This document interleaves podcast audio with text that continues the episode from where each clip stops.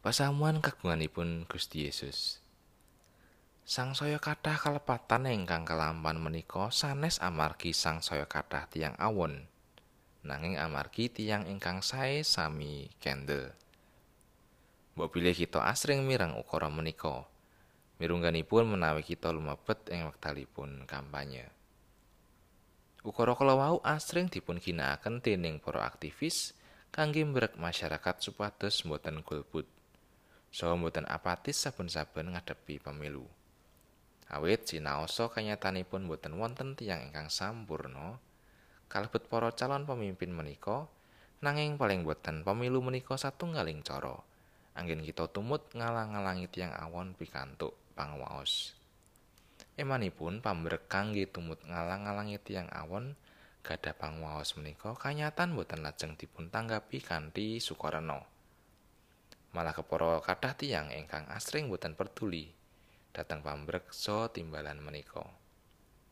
Menika saged kita tingali saking tanggapanipun Nabi Musa. Rikala dipun timbali, dipun pilih lan dipun utus dening Gusti Allah dados pamimpining bangsa Israel ing salebeting ngadepi tumindakipun pangwaos Mesir ingkang boten adil. So ing salebeting tumuju dhateng tanah persettian ingkang kebak susu lan madu. Anggenipun nimbali Musa, Gusti Allah kersa ngendika kanthi abenajeng lan terwaca. Mboten kados nalika nimbali nabi-nabi sanesipun. Malah kepara Gusti ugi kersa paring bukti nalika Musa mangu-mangu nampeli timbalan menika. Ingkang sepisan rikala Musa nyuwun legalitas bab sinten ingkang kepareng nimbali piyambakipun supados bab menika saged dipun terangaken dhateng bangsa Israel. Gusti Allah lajeng paring pangertosan bab asmanipun. Kaping kalih, rikala Musa tanglet bab menapa ingkang kedah dipun cariyosaken dhateng bangsa Israel. Ngengingi bab timbalan menika. Gusti lajeng paring pangertosan kanthi cetha bab sedaya ingkang kedah dipun cariyosaken dhateng bangsa Israel. Kaping 3, rikala Musa matur menawi piyambakipun boten saged wicantenan. Gusti lajeng paring pangertosan bilih panjenenganipun sampun nyawisaken Harun minangka wakilipun kangge mituturi bangsa Israel. Kaping sekawan, rikala Musa munjuk bab raos kuwatosipun menawi bangsa Israel boten pitados dhateng sedaya pawartosipun. Gusti lajeng paring wewengan dhateng Musa kangge nekseni saha tumut mujudaken mujizatipun. Kanthi pangajab menawi bab menika dipun ketinggalaken dhateng bangsa Israel, lajeng dadosaken sami yakin lan boten mangu-mangu dhateng ngersanipun Gusti menika. Dene mujizat ingkang kendhakaken menika teken ingkang dados sawer lan asta ingkang dados petak kados nandang mala sar saraat. Sasampunipun kalebetaken ing tangkeping jubahipun. Ewas manten sedaya menika boten lajeng dadosaken Musa saged paring wangsulan inggih dhateng timbalanipun Gusti menika.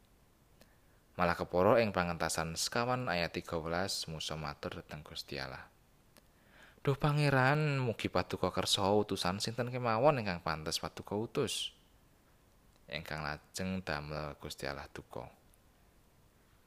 Kenging menapa Musa nanggapi timbalanipun Gusti kanthi cara ingkang mekaten? Menawi kita gatosaken wawasan ingkang sepisan, Pancen kita mboten badhe manggihi katerangan ngengingi jalaranipun Musa mboten lajeng nampi ayahan timbalanipun Gusti menika.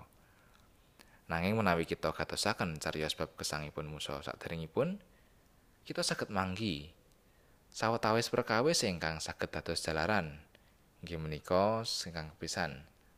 Sampun sekeca kalian kawontenan lan kalengganipun. Inggih menika mangun balik riya saha dados pangen. Kaping kalih Piyambakipun gadah pengalaman ingkang boten sekeca. Rikala sesambetan kalian tiang Israel saha tiang Mesir. Kalian tiang Mesir inggih menika rikala piyambakipun sumerep bilih bangsa menika saestu kejem. Saged nindakaken sedaya cara kalebet kekerasan kangge nggayuh pepinginanipun. Kalebet ndadosaken bangsa Israel batur tukon ingkang kedah nyambut damel. Lan lajeng piyambakipun Sang Prabu Prengon piyambak ugi ngereh nyawanipun.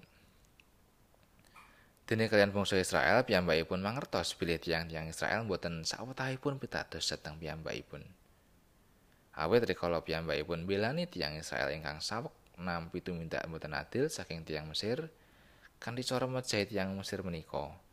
Piyambakipun malah manggi tiang Israel sami boten pitados dhateng piyambakipun. Ewas mantan sinaosa kathah perkawis ingkang dados jalaran kangge musuh endo saking dawuh utusanipun Gusti. nanging kasenyatanipun Gusti tetep nimbali musa. Bab menika katindakaken dening Gusti kejawi minangka bukti bilih Gusti Allah kersa ngatosaken midhangetaken lan pirsa ingkang dados panandhangipun bangsa Israel sadangunipun kedadosaken batur tukon ing Mesir ugi minangka wujud bilih Gusti mboten saged ngendelaken tumindak mboten adil sang saya sumrambah.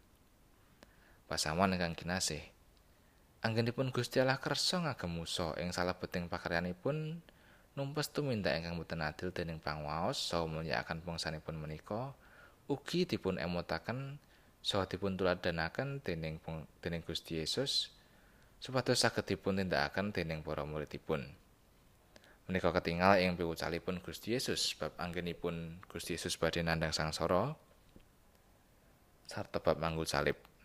Imanipun bab menika boten lajeng saged dipun mangertosi dening murid-muridipun. Menika ketingal sanget nalika Petrus enggal-enggal nggeret Gusti Yesus sarta munjuk. Gusti mugi Gusti Allah nebihaken bab menika. Sampun sepisan-pisan paduka ngantos kataman ingkang makaten menika. Jalaranipun Petrus tuminta makaten boten kasrat ing waosan menika. Nanging menawi kita gatosaken bilih ing ayat-ayat saderengipun Petrus atur pangaken bilih Gusti Yesus menika Sang Kristus. Menika saged dados jalaran. Amargi kedahipun Sang Kristus utawi Mesias mboten nandhang sangsara.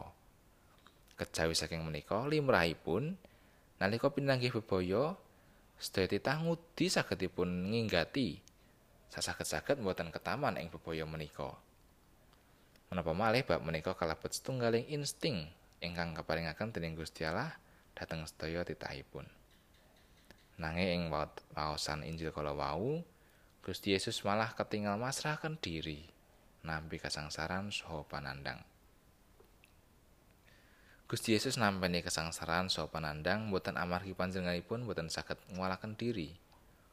Menika margi ingkang dipun pilih kangge milujengaken umat kagunganipun. Pramila Gusti Yesus lajeng brek para muridipun supados saged mangertos Bila kawulujengan ingkang sejatos mboten namung dipun raosaken dening diri pribadi. Nanging ugi saged dipun raosaken dening sesami. Sinaosa kangge mujudaken bab menika kedah kanthi cara ngorbanaken diri. Rasul Paulus ugi nyerat pitutur bab ngorbanaken diri saha kesanggeman derek ing pakaryanipun Gusti mujudaken kawulujengan, kasaenan lan keadilan. Pitutur menika dipun bundeli lantaran piwucal bab katresnan. Rasul Paulus mituturi tiyang pitados supados sami proaktif. Tegesipun purun miwiti asung pakurmatan, andum berkah, so katresnan. Kejawi menika ugi wantun males piolo kanthi kasainan. Pitutur-pitutur ingkang mekaten temtu boten gampil dipun tindakaken. Menapa malih menawi kita gesang ing satengahing donya, ingkang padatanipun tumindak awon, ngapusi, lan males piolo mawi piolo. Nanging Martin Luther King Jr. nate ngendika, "Kawontenan boten adil menika kelampahan sanes amargi kathahing tiang awon, nanging amargi tiang ingkang sae sami kendel." Menapa kita badhe kendel nalika manggi tumindak ingkang boten adil, namung supados kita tetep aman?